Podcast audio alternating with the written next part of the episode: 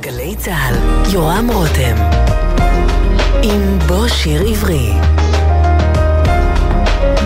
הבית של החיילים, גלי צה"ל.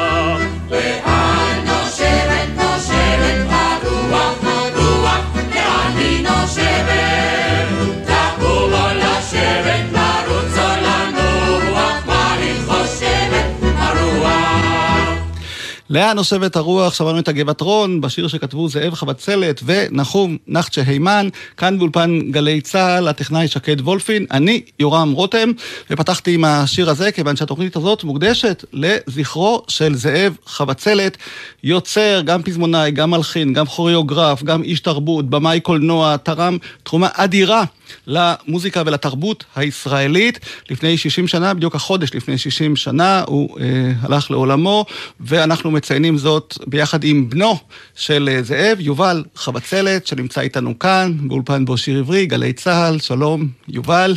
שלום. קודם כל אני מודה לך שהזכרת לנו ש-60 שנה עברו מאז אה, מותו, באמת הטרגי, של אביך, ועוד מעט גם נציין 100 שנים להולדתו. נכון. אז מה יותר מתאים מאשר להקדיש לו את התוכנית הזאת של בו שיר עברי, כי אנשים אולי זוכרים, אולי לא זוכרים את שמו, אבל את השירים שלו, אני מניח שחלק מהם אה, מוכרים עדיין.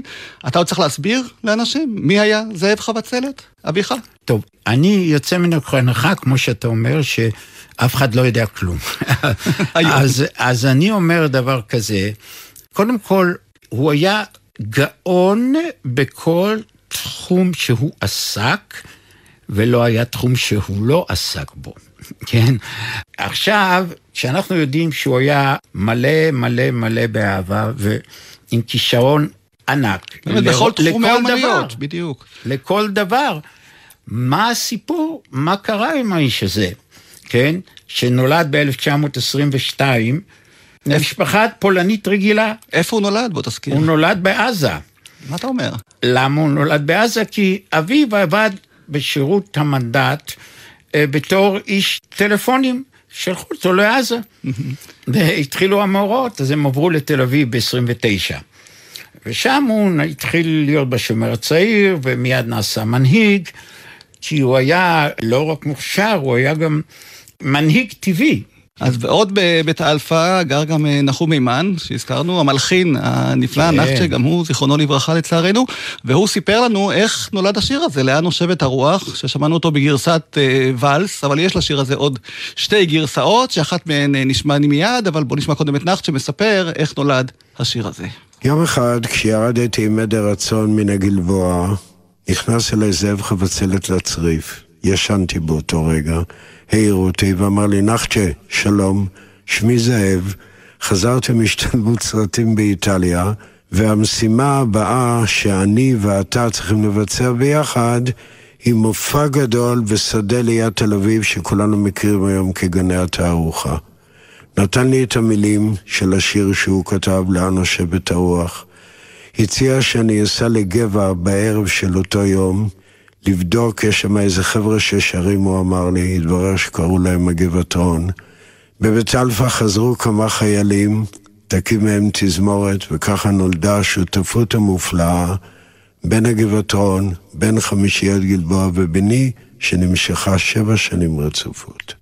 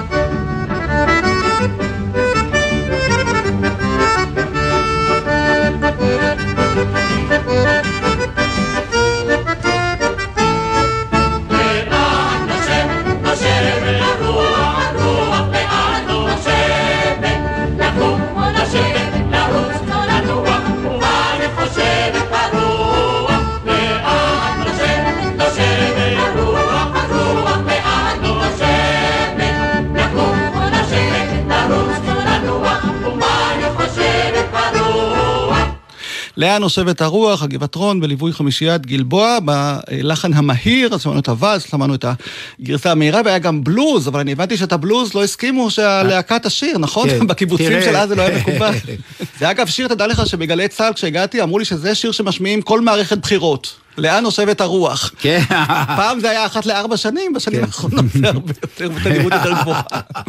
כן, אה, הכוונה של אבא בלאן לשבת לאורך, באמת שבאותה תקופה הוא התחיל לראות שבקיבוץ מתחילות לנשב רוחות אחרות של פרטיות במקום חברתיות, ואופנה במקום חלוציות, והוא הכניס את זה בתוך המופע, זה המופע של 50 שנות התנועה הקיבוצית, ותפקידו היה, היה שם תערוכה, הוא הציב מופע שבסוף כל יום מבקרי התערוכה הלכו לראות את המופע הבידורי. וזה באמת היה מופע בידורי פר אקסלנס, לא הייתה בו דקה אחת משעממת, והוא גם היה בלי, בלי זיקוקי דינור, ובלי אנו באנו, ובלי... הוא העז, במקום לספר, עשינו, שתלנו, הגענו, במקום סימני קריאה, הוא העז לשאול לאן נושבת הרוח, לאן אנחנו הולכים. בגלל שזה היה כל כך מבדר ומצחיק וקצת דמעות, אבל בעיקר מצחיק ונורא שירתי, לא שמו לב אנשים לסיפור הזה שהוא שואל שאלות נוקבות. אז הנה השאלה שהתאימה לתנועה הקיבוצית, אחרי זה התאימה אולי לכל ה... כן, מה שקורה כן, לנו כאן בדיוק, בארץ, בדיוק. לאן נושבת הרוח. לאן, לאן פנינו מועדות, כן. כן.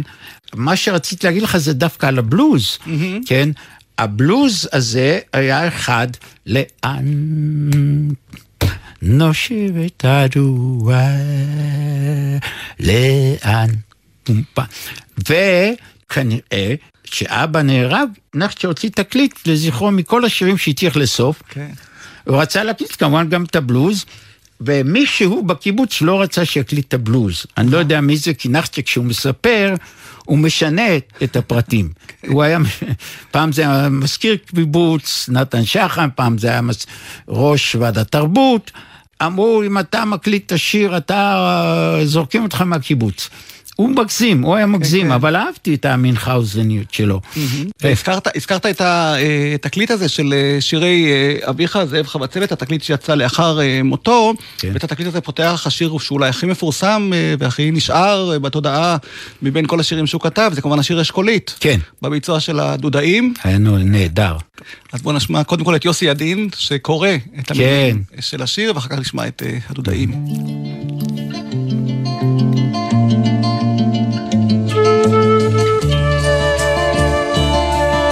אשכולית היא אשכולית צהבהבת. נערה היא נערה. אשכולית את אדמתה אוהבת, נערה את נערה. זוהר ליל רד לו ומחשיף ירח, מחשיפה האשכולית.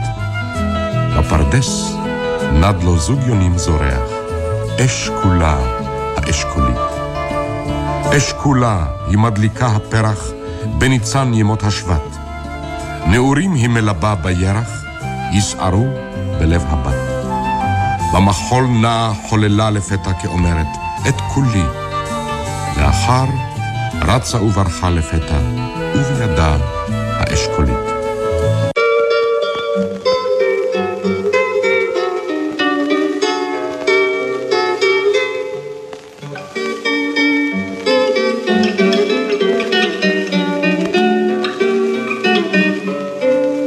אשכולית היא אשכולית צבבת נערה היא נערה.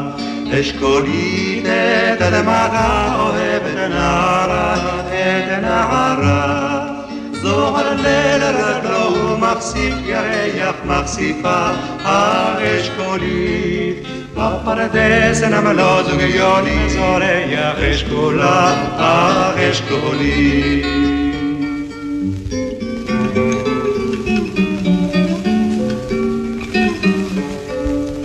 אשכולה היא משליכה הפרח הניתן בימות השבט. נעורים היא מלליקה בירח ושערה בלב הבת. במחול יצאה לחוללה לקטע כאומרת את כולי ופתאום רצה ופסקה לפתע כאומרת אשכולי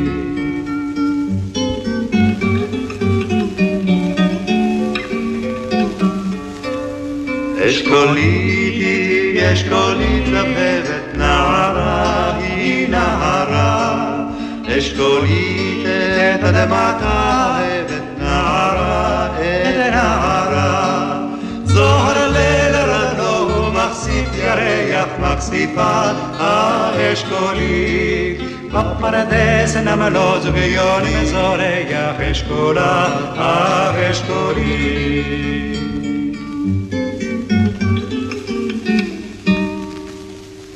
אשכולה האשכולית. הדודאים בביצוע המקורי של אני השיר חייב הנהדר, אה, כן. להעיר פה משהו, חייב. הם לא שרו את זה, את הטקסט בדיוק הנכון, שכחו גם הם וגם עפרה חזה, וגם, אני לא יודע, עוד, היו כמה ביצועים. שהם השמיטו בית. וואה. והיחידה ששרה את זה בדיוק, זאת הייתה חברתי הטובה והמוכשרת, אופירה גלוסקה. כשאני ביקשתי ממנה לשיר את השיר הזה בערב לזכרו, היא אמרה, אני חייבת לשיר את זה כפי שזה נכתב מהמקור, והיא חקרה וגילתה את הבית הראשון. אשכולית, את אשכולית אחות לי, אשכולית את לי אחות, הן גילית את גיל גילי שמחות לי, הן גילית גילי שמחות. טוב, אני מחזיק כאן את התקליט הזה של שירי זאב חבצלת, שממנו השמענו עכשיו את השיר אשכולית, שבאמת, כן.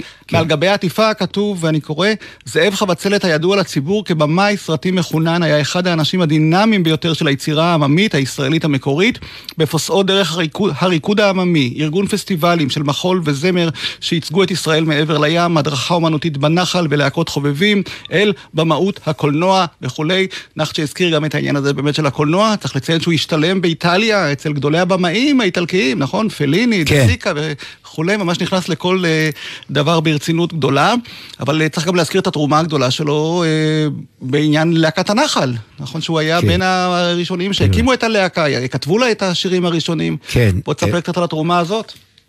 הוא היה קצין אמנות, שהקימו את הנחל. קראו לזה קצין אמנות אז, לא קצין חינוך, והוא ארגן המון דברים בנחל.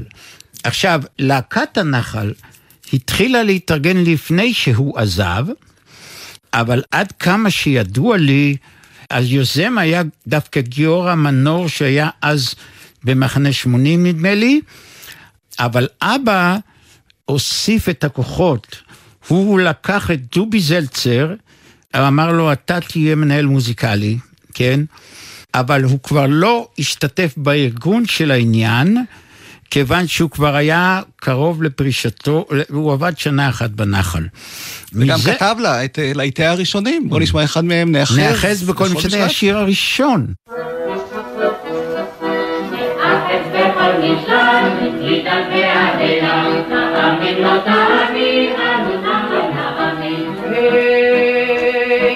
וניצב הוא לא איתן, כך פרדות רק תרצן, וקוצר לו וקוצר, וקוצר לו שמאל ימין.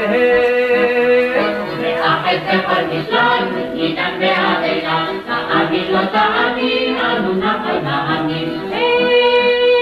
וניצב הוא לא איתן, כך פרדות רק תרצן, וקוצר לו וקוצר, וקוצר לו שמאל ימין, האחז בכל משען, ניתן בהדלה, תאמין לא תאמין, אנו נחל נאמין. היי, ויושב לו הרפתן, אני ולא לו וכל לב, וכל לב לו שמאל ימין, היי. האחז בכל משען, ניתן בהדלה, תאמין לא תאמין, אנו נחל נאמין. ויושב לו הרפתן, אני ולא חיצתן, בכל האחז בכל משען, ניתן בהדלה, תאמין לא תאמין, נחל נאמין. היי, והולכים להם השניים בשדה בין הארבעים, והולכים הם והולכים, היא לשמאל והוא לימין, היי. האחז בכל משען, ניתן בהדלה, תאמין לא תאמין, אנו נחל נאמין.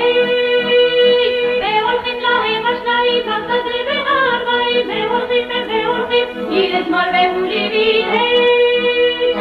האחז בכל משען, ניתן בהדלה, תאמין לא תאמין, אנו נחל נאמין.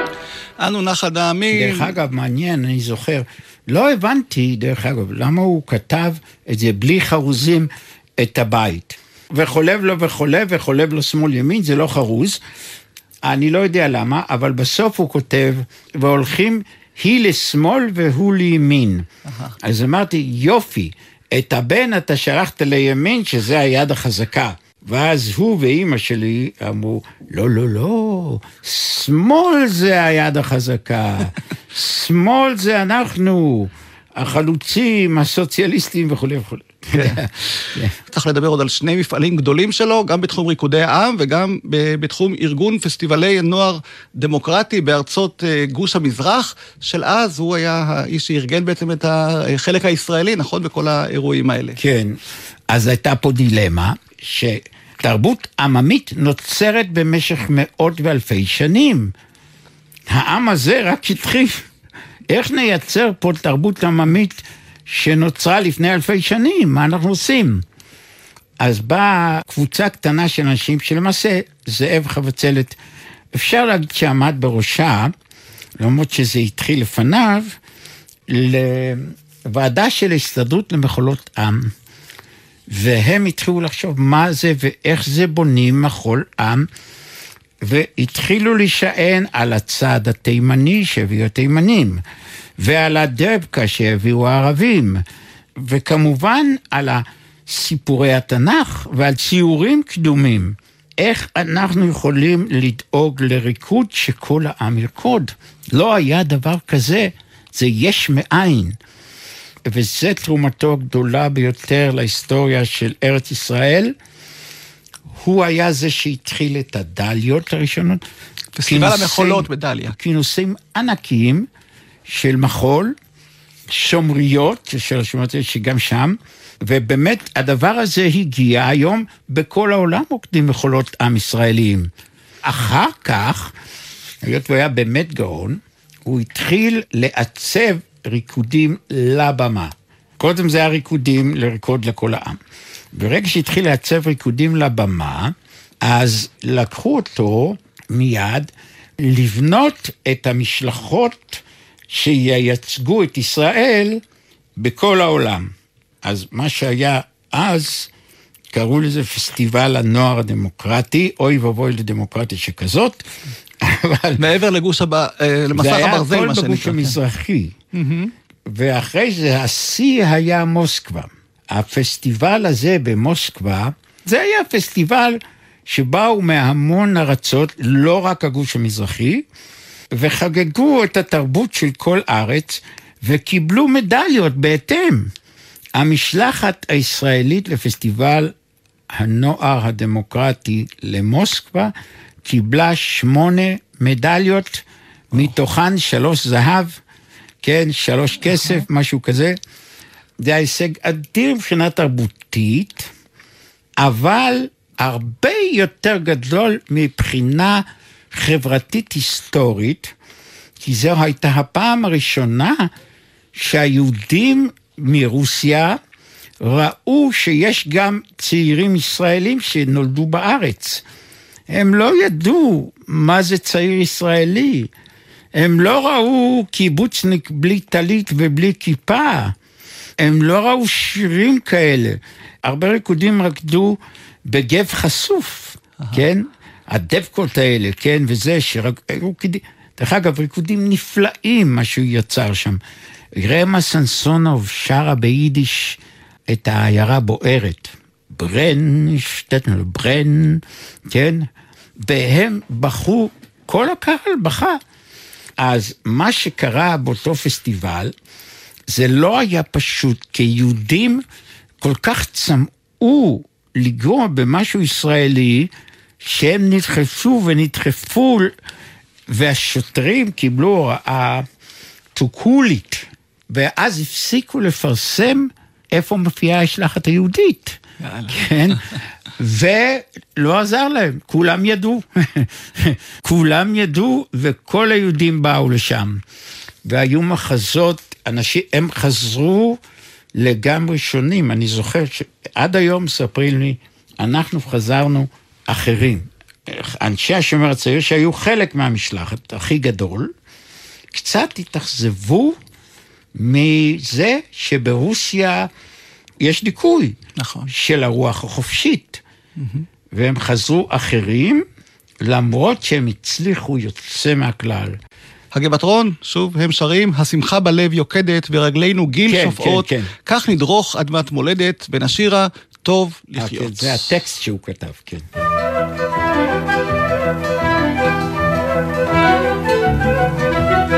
השמחה בלב יוקדת ורגלינו גיל שופעות. כך נדרוך אדמת מולדת ונשיר הטוב לחיות. השיר הברון זורמת על הרים וגאיות בחזינו עוד פועמת הקריאה כי טוב לחיות.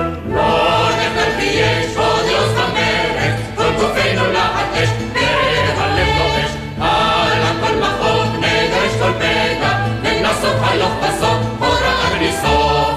השמחה בלב יוקדת ורגלינו גיל שופעות כך נדרוך אדמת מולדת ונשיר הטוב לחיות. השיר הברון זורמת על הרים וגאיות בחזינו עוד פועמת הקריאה כי טוב לחיות. לא נחלתי יש עוד יוס במרד, כל גופנו להטש, והלב גועש, על הכל מחוק, נדרש כל פגע, ונסות הלוך בסוף, הוראה בלי השמחה בלב יוקדת ורגלינו גיל כך נדרוך אדמת מולדת ונשיר הטוב לחיות. השיר הברון זורמת על הרים וגאיות, בחזינו עוד פועמת הקריאה כי טוב לחיות. טוב לחיות, הורה אגדתי, הגבעתרון בליווי חמישיית גלבוע. יובל חבצלת, אתה גם? הייתה לך ברירה, או שאתה בחרת בכיוון הזה של האומנות, הנגינה, המשחק, השירה באופן תראה, טבעי, או שזה... אה, אני, אה, בגלל אה, פגישתה עם דובי זלצר ואחר כך עם נחום היימן, התאהבתי באקורדיון, זה היה כלי נורא יפה, עם אה, שחורים בצד אחד, אדום, לבן, ממש כלי יפה. נדלקתי על הכלי הזה והתחלתי לנגן. יובל, היו לך הרבה קטעים שניגנת בהרבה שירים בלהקת הנחל, על הקטע המפורסם ביותר שלך, נדמה לי, זה בפתיחה של השיר בשמלה אדומה, לא? נכון מאוד. זה למעשה, אה, אפשר להגיד שהיום מציגים אותי, תכיר את חברי יובל, שכתב את הפתיחה לשמלה אדומה. שהלחין כי בעצם יאיר רוזנבלום, יאיר רוזנבלום כתב את השיר, אבל את הפתיחה, הפיצקל הזה, זאת אומרת, הפתיחה הזאת, שבה נכנסות המריונטות, אני כתבתי וניגנתי, ובמשך הזמן הפרידו, אולי אתה לא יודע, את הפתיחה מהשיר, אהה. והפתיחה נהייתה לשיר, לאות ברדיו. אז כיוון שהאקורדיון, אה, הבאת אותו מהבית אה, לכאן לאולפן, אתה מוכן להדגים לנו איך אה, לא. בכלל בא הרעיון אה, אה, לכתוב פתיחה כזאת? תראה, השיר, הוא הביא בעצם קוריוז, הוא הביא את השיר כשיר ברסנסי, כן? הוא רצה שיר ברסנסי, שישיר אותו שלום חנוך. בשמלה אדומה ושתי שמות, ילדה קטנה, יחידה, וכולי וכולי.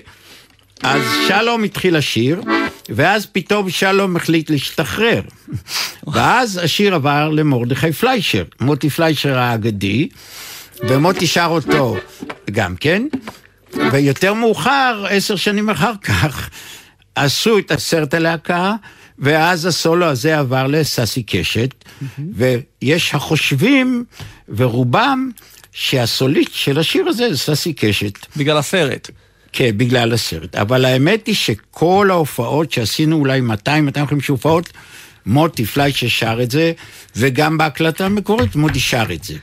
ועכשיו, היות ואני תמיד הייתי, כל שיר שהיה יאיר מביא, הייתי כותב לו עיבוד או לאורגן או לאקורדיון, ולפעמים לחליל. היה לנו חלילן שגם ביקש ממני שאני אכתוב, כי יאיר תמיד לא כתב, לא, לא תמיד כתב. אז חשבתי, איך אני אלווה את השיר הזה? אז הוא, הוא רצה צרפתי, כן?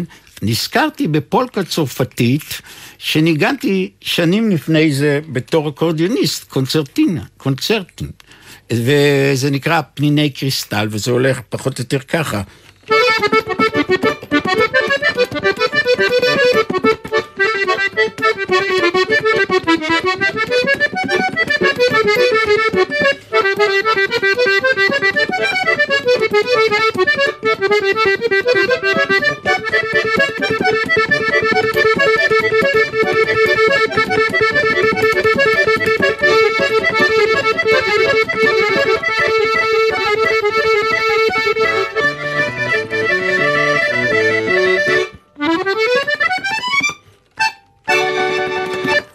איזה יופי.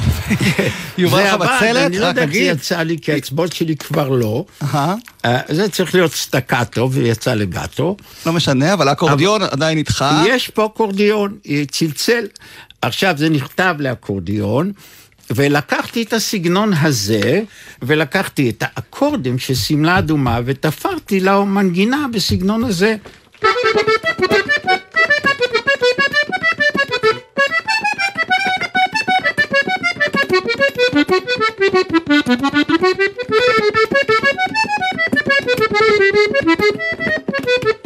משהו כזה. קטע מאוד מסובך לנגן. מה, מה? זה קטע קצת מסובך, נכון? שאתה הולך אה, להופיע... תראה, יש המון אנשים שאומרים, זה קטע מסובך, אני לא מצליח לתפוס אותו, תכתוב לי את ה... עוזי רוזנבלט.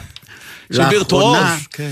פעם ראשונה שהצלתי לעוזי, הוא אומר, אתה יובל, יש לך את התווים של שמלה אדומה. המון אנשים אומרים, תכתוב לי את התווים, כי קשה להוציא את זה מתוך השיר. בעיניי זה לא היה מסובך, כי הכרתי את הפולקה הזאת. אז בוא נשמע באמת את אה, להקת הנחל, בשיר בשמלה אדומה, של רותי ספרוני ויאיר רוזנבלום, עם ההקדמה המוזיקלית שלך, כן. יובל חבצלת.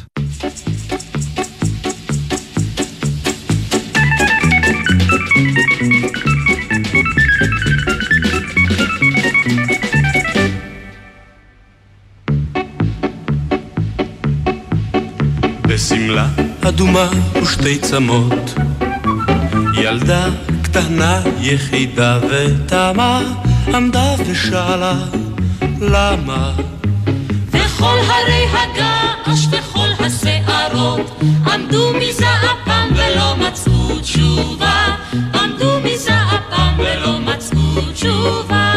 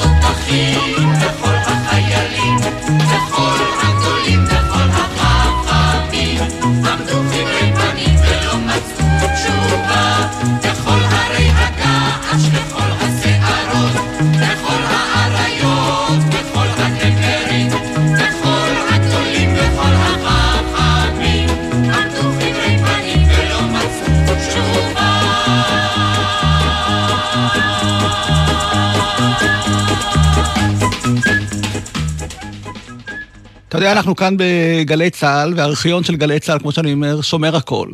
אז מצאתי אה, כאן בארכיון תוכנית של אורי זוהר, שנקראת פתחון פה, 1970, אתה עוד היית בלהקה. אני זוכר את זה. אתה זוכר? כי הוא הלך לראיין אתכם, את כל החבר'ה הצעירים כן, של אוי. הלהקה של אז, ואני מציע שנשמע קטע אה, שקשור אליך מאותה אה, תוכנית, אורי זוהר, 1970, אני פתחון לא פה, מאמין. כאן בגלי צה"ל, שימו לב. שאתה מצאת את הדבר הזה. בוא נשמע. אורי זוהר נותן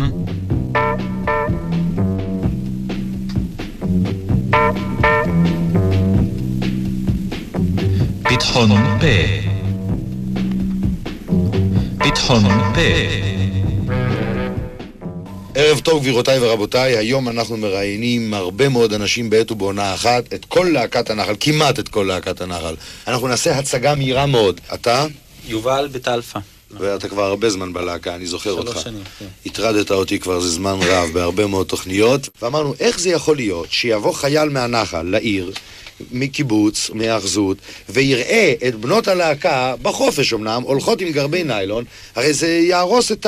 התדמית, את ה... כן, את ה... איך אפשר בכלל לא?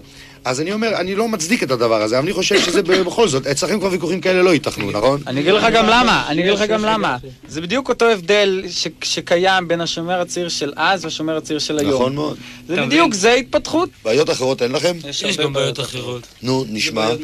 אה, יכולה להיות בעיה, למשל, אתה מגיע למוצב, אתה, יש לך נניח אה, זמן מסוים לתת תוכנית, אז אה, השאלה היא כמה אתה תיתן מתוך התוכנית המלאה. אם תיתן אה, יותר או תיתן פחות, אז עכשיו יש לך שיקול שאתה תיתן פה יותר, במקום אחר יראו פחות. נניח, אתה מרגיש שהחיילים רוצים יותר, אתה נתת את התוכנית, אתה מרגיש שהחיילים מתים שאתה תישאר איתם. כן. ואז יש שיקול, יש גם שיקול לפעמים שאנשים צרודים. למשל, יש שיקול שאם האנשים יוציאו את כל הגרון שלהם עכשיו, אז אחרי זה החיילים במוצב הבא יפסידו, אתה מבין? זה גם כן יכול להיות שיקול. אז לפעמים יש מישהו שאומר, החיילים כל כך רוצים שנישאר איתם, בוא נישאר איתם עוד רבע שעה. למרות זה שלפעמים אפילו העניין המקצועי, למשל, להשאיר את האנשים רעבים, ויש אה, מין... אה, אין לכם אוכל איתכם באוטו? לא, אני לא מתכוון רעבים לזה. אה, אני מתכוון אה, את. הקהל רעב, להשאיר את הקהל רעב, זה בכלל... חשבתי שאתה עוד מדבר על הבעיה ההיא של הארוחות. לא, אני מתכוון דבר אחר אני לגמרי. זוכר את זה, ואני זוכר שלא גמרתי לדבר. אני זוכר שהיה לי מה להגיד. אז בוא תגיד עכשיו, תשלים. אני, אני זוכר שהיו תמיד ויכוחים, כשהיו הרבה מופעים, האם לתת את כל המופע, או לתת חלק, יש עוד הרבה תחנות. ואני תמיד הייתי בעד לתת את הכל. לא לעזוב עד שהם לא שבעים. כיוון שאנחנו בין כה וכה, אנחנו בעלי זכויות יתר. אנחנו לא רצים על הג'בלאות. אנחנו לא יושבים במערבים. אנחנו בסך הכל עושים מה שאנחנו אוהבים, לשיר, לרקוד ולהצחיק. אז נעבוד עוד קצת. מה יש? אתם אוהבים את זה, אתה מבין? ואני נזכר שגם כתבת שיר מחווה לתרנגולים, נכון? כן, זה נכון. היה אה, איזו מסיבה, 50 שנה לתרנגולים, ואמרו לי בוא תלווה, ואז אמרתי, אני רוצה לכתוב שיר בסגנון של התרנגולים, ובעיקר בסגנון הליווי של התרנגולים, שנושא שלו זה נעמי פולני. לא, לא, לא שינה לי התוכן, שינה לי שיקשיבו לסגנון ולסגנון של העיבוד. וישבתי הרבה על העיבוד כדי להיות בטוח שזה לא יחרוג מהסגנון הכל כך מיוחד של נעמי, ו- וזה מאוד הצליח לפי הרגשתי. אני מאוד נהניתי גם מהעבודה על השיר וגם מהתוצאה. ונזכיר שטובל פאטר הוא האקורדיוניסט האגדי של התרנגולים, כן. והוא היה בלהקת הנחל עוד טרום זמנך. נעמי כן. שמעה את השיר, אהבה את השיר? אם העירה? לך? כן. נעמי מאוד אהבה את השיר. אז אמרתי לנעמי, נו, עכשיו זכית בפרס ישראל, אולי בואי נשאיר אותו. עם שרידי התרנגולים עדיין, עדיין יש. אז היא אמרה, אני מאוד אשמח אם ישירו את זה, אבל אני לא יכולה להמליץ על זה, כי זה שיר עליי. טוב, אז מי שר בהקלטה שיש לנו כאן? אה, שרים אה, חבר'ה מלהקות זמר שונות, אה, שתיים מהסולניות של האירוסים של בית אלפא, שהן באמת זמרות אה, יוצאות מהכלל, אלה שיזף וחגית לירון, שר אה, בריטון מגנר שמורמי תמרי, כן. ושר גדעון ברקני. חכה, הבן של חיים ברקני, גדעון ברקני, שגם הוא שר טנור. יוצא כן, מהכלל נכון. ומוזיקלי. הייתה לי רביעייה, הלוואי הייתי יכול להמשיך לעבוד. ואתה עם האקורדיון? ואני עם אקורדיון.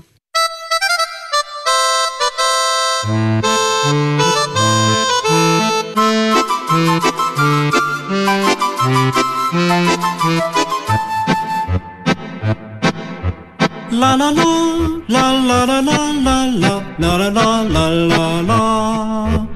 La la la la la la la la la la la la רבות עוד יסופר על שלל כישרונותייך ועל מחול ששר כליל כצמותייך אך מה שבא לי יתבטא עם הצלילים, הנצח יסתתר בין המילים.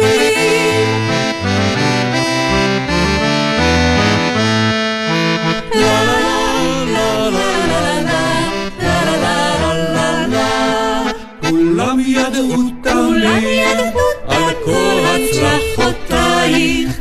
להיט רדף להיט וזרם של כפיים, אך מה להזיל להביא לך בשירים, אינו ניתן למדוד במספרים. לה לה לה לה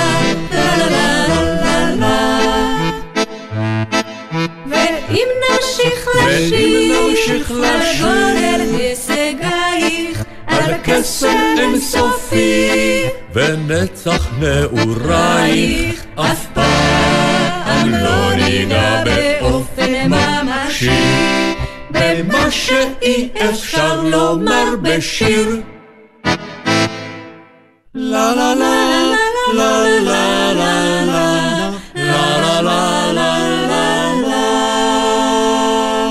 טוב, אני מניח שאבא שלך היה גאה בך, עם הקו אה, המחשבה הזה בעניין שלך. הזה, יכול להיות, כן, אני חושב שהוא היה מבסוט. כן. וכמה היית כשהוא אה, נהרג? אני הייתי בן 14. היה משהו אחד, כמו שאמרתי בהתחלה, אה, שהוא היה גאון בכל דבר, אה, ובסופו של דבר אמר, החליט שהוא יתמקד בקולנוע. למה קולנוע? שאלתי אותו. הוא אומר, תראה, אין לך תחום אמנות עם יותר אפשרויות מאשר בקולנוע. אתה יכול להראות ריקוד, אתה יכול להראות משחק, אתה יכול להראות ציור, אתה יכול אה, להראות דוקומנטים, אתה יכול להראות את האמת.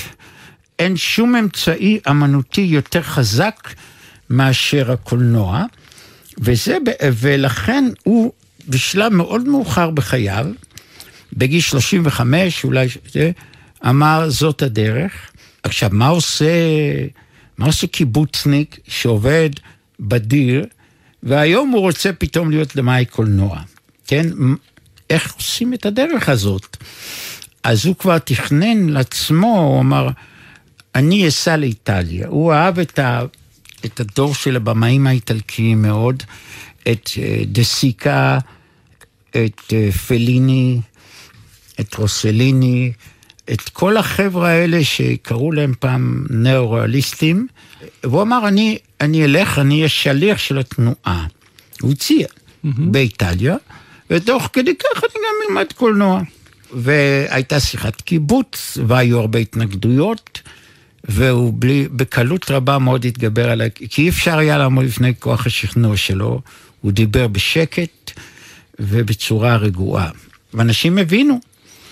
ואז הוא נסע לאיטליה, אנחנו הגענו חצי שנה אחריו, הוא בנה את תנועת השומר הצעיר כמעט מאפס.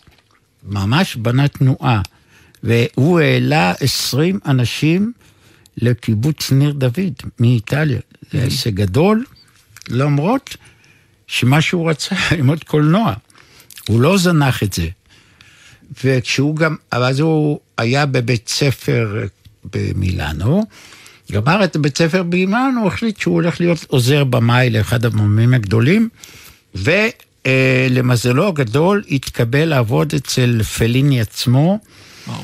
בסרט אחד המהפכנים ביותר בהיסטוריה, לדולצ'ה ויטה. הוא היה עוזר במאי ראשי. פליני קיבל אותו על סמך המלצה, וכמובן על סמך רעיון. כי מי שהיה, כשהוא היה מגיע לרעיון עבודה, כבר אי אפשר היה לעמוד. הוא היה מתורגל מאספות בקיבוץ. מה? הוא היה מתורגל מאספות בקיבוץ. הוא ידע לשכנע בכנות שלו. הוא חזר לארץ. בנינוחות שלו. כן, אבל גם בארץ הוא הצליח לביים סרט, חבורה שכזאת. הוא ביים... אה, לפחות 15 סרטים קצרים, כן. והוא הגיע לש, לסרט הלהלתי הראשון, אה, חבורה שכזאת, והיה עוד המון, המון סרטים כבר בדרך. אין לי שום ספק שהיה מגיע לשיא של השיאים בתחום הזה, אבל הוא נהרג. איך הוא נהרג? זה היה ממש... שבועיים לפני הבכורה. וואו, של הסרט, הסרט כבר היה מוכן? הסרט היה מוכן. הוא נסע, זה באותו יום היה צריך להיות לו מסיבת עיתונאים בקשר לסרט הזה, וסדרן עבודה ביקש ממנו, תעשה לי טובה, מחר חסר לי בן אדם, תלך בבוקר, לא יודע מתי זה היה, בשש, שבע, ש... תלך, תעשה שעתיים, שלוש עם העברת קו, אני לא יודע אפילו מה הוא עשה, תעזור לחבר'ה ותחזור ותיסע בשדה. זאת אומרת, עבודה חקלאית, לא ויתרו לו, עם כל היתרון. הוא עבד כל השנים, למרות שבין פסטיבל לפסטיבל, הוא עבד עבודה חקלאית בקיבוץ. בקיבוץ לא ויתר, לא ויתרו לו, הקיבוץ לא ויתר לו, או שהוא רצה את העניין הזה של עבודת האדמה? הוא רצה. הוא אמר, אני פה, אני כרגע בלי פרויקט, אני עובד, אני עובד חצי יום, אני עובד, אתה מבין? וגם ביקשו מדי פעם, תגיד, אתה פנוי מחר, מה קורה איתך מחר? אני צריך מישהו לצאן שיעלה, והוא תמיד היה אומר, אוקיי.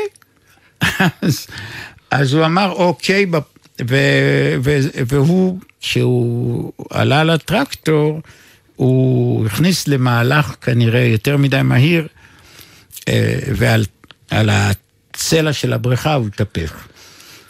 וזהו, וזה קטע את כל מה ש... את כל מה ש... כל הזרימה הזאת, העצומה. איך כתב חיים גורי? תנועה שנעצרה במעופה. ההספקים שלו היו אדירים. מה שהוא עשה ב-39 וחצי שנים, וגם את זה מספר חיים גורי, זה, אפשר להשוות את זה להספקים של עשרה אנשים שעובדים מאוד מאוד מאוד קשה, חיים שלמים. יובל חבצלת, אתה כאמור גם כותב, מלחין, ואחד השירים היפים ששלחת לפני אה, שנה, אני חושב, אה, נקרא נר קטן, ששרות רוני גינוסר ויריד גינסבורג, ובוא תספר מה הסיפור מאחורי השיר הזה, כי הלחן מוכר, אבל המילים בעברית פחות. כן. תראה, אה, אני שמעתי את זה לראשונה בדיסק של אה, עידן רייכל, אה, שקניתי דרך אגב באיזה חנות, ושמתי באוטו, ופתאום אני שומע את השיר הזה, שהיה לגמרי לגמרי סיפור אחר מכל השירים שלו. זה היה שיר שקנה אותי ולא יצא לי מהראש. שיר פורטוגזי ופורטוגזית. שעידן רייכל אה, כתב, זאת אומרת... הוא כתב את השיר, אני לא יודע אם הוא כתב את המילים, אולי גם הוא איזה שיר פורטוגזית. מרתה גומז, היא הוא הזמרת כתב השיר. ו- ובחורה שרה את זה בפורטוגזית. השיר לא יצא לי מראש שלושה חודשים. בסוף אמרתי, אני, היו לי אז חברות זמר שלי, שעבדתי איתם, אמרתי, אני מוכן לעשות לזה עיבוד. אנחנו לא נוכל לשיר בפורטוגזית. החבורות האלה, תפקידם היה לשיר במשק, במשקים, אה, לכבוד אירוע. אז בדיוק אז אמרתי, איזה אירוע? אז אמרתי, יום הזיכרון יתאים. כן, כי זה שיר עצוב, שיר אה, מינורי. נכתוב שיר ליום הזיכרון, ובאמת כתבתי שיר ליום הזיכרון, ועשיתי עיבוד, אה, והעיבוד היה קצת מסובך מדי, אה, זה לא, לא, לא, החבר'ה לא הצליחו ממש לשיר את זה בטוח, אבל אה, נשאר לי הטקסט, אז החלטתי להקליט את זה עם מישהו מקצועי, ואז כתבתי לעידן רייכל, שלחתי לו את הטקסט, הוא אמר, בסדר גמור, אתה יכול להקליט את זה. ואז אה, לקחתי קודם בחורה בשם מיטל יוסף, ואחרי זה שהכרתי את רוני גינוסר, שהיא באמת ממש זמרת על רמה מאוד מאוד גבוהה, זמרת מקצועית וגם מוזיקאית גאונית, לקחתי אותה. ועשיתי איזה סלט של שתיהן. עידן רייכל שמע את התוצאה המוגמרת? אני לא יודע, אני לא יודע. אני לא חושב, אולי עכשיו הוא ישמע אם תשמיע. אני מניח, הוא אוהב. אני קיוויתי שהוא יבצע. טוב, אולי, אי אפשר לדעת, אבל בואו נשמע כי את זה ה... שיר ליום הזיכרון. בואו נשמע.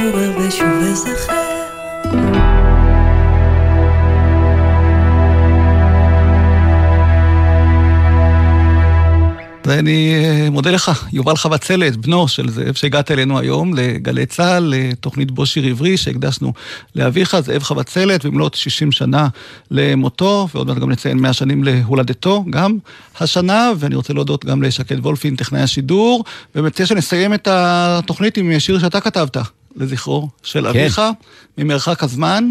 כן. כתבת ממרחק של שנים ארוכות וטובות, מאירה עוד דמותו את עצבות לילותינו, נזכור איך הקרין באלפי שלהבות אור של חסד על דרך חיינו. נחצ'ה איימן כמובן הוא זה שהלחין את השיר אה, ברגישות, כמו שהוא ידע כל כך טוב לעשות, ואנחנו נשמע את הביצוע של האירוסים. לשיר הזה, יובל חבצלת, תודה רבה. תודה.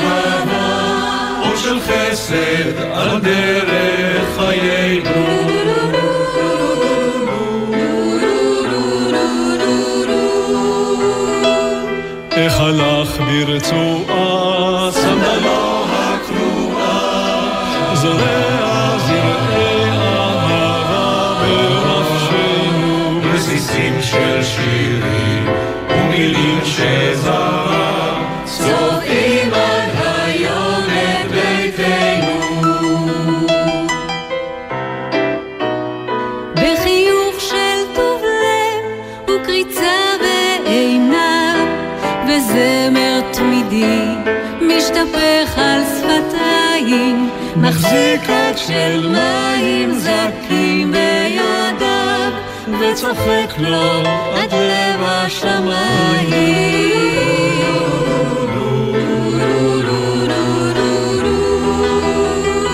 בנדודיו כי רבו, מתערבב עם כולם, במשעול, בכפרים,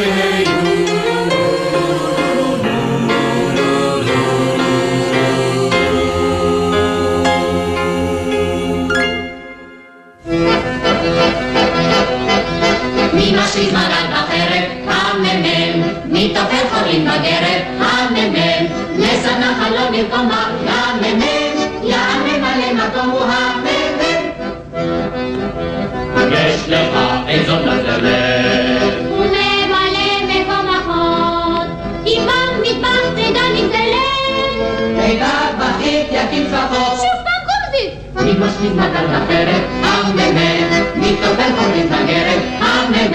לסדנה חלום במקומה? הממ"מ. יעמם מקום הוא הממ"מ. אם תחזר אחר חיילת, הכל יהיה כמעט מוכן. הוא ייקח הנה לטיילת, וימלא מקום שטחן. מי משמיז מגל בחרב? הממ"מ. מי תופר חורים בגרב? המחלות ידומה למ"מ, יען ממלא מקומו המ"מ. אך אם סבלת מבטלת, הוא ממלא מקום שוטר, חביבי. מה נשמע, נשמע, סוף השבוע. העיד של החיילים. גלי צה"ל יותר מ-70 שנות שידור ציבורי. ציפורי לילה מאחורי הקלעים. ענבל גזית ורותם בן חמו משוחחים עם האנשים שעשו את עולם התרבות והמוזיקה הישראלי. על ההחלטות, הסיכונים והסיפורים. והשבוע, המפיק והמנהל האומנותי חיים שמש. אפשר לומר ששלמה הכניס אותי לעניינים מיד. המשפט הראשון שלו היה, אני שומע שאתה אוכל, נכון? בוא תסיים לאכול כדי שלא תיחנק ממה שאני עומד להגיד לך. הלילה בחצות, גלי צה"ל. כל שבת ב-10 בבוקר, יורם סוויסה לוקח אתכם למסע מוסיקלי. והשבוע, מסע בעקבות יום הזיכרון לשואה ולגבורה, עם עברי לידר ויהודה פוליקר. וזה גם מה שאבא שלי תמיד אמר, כשכל החברים שלו שיצאו מהשואה הלכו, נסעו לאמריקה, אמרו לו בוא איתנו ז'אקו. והוא לא היה מוכן לשמוע, לחזור לשום מקום. לא ליוון, לא לאושוויץ, לא לכלום. מסע עם יורם סוויסה, הבוקר ב-10, ובכל זמן שתרצו, באתר וביישומון גלי צה"ל. מיד אחרי החדשות, שמעון אלקבץ.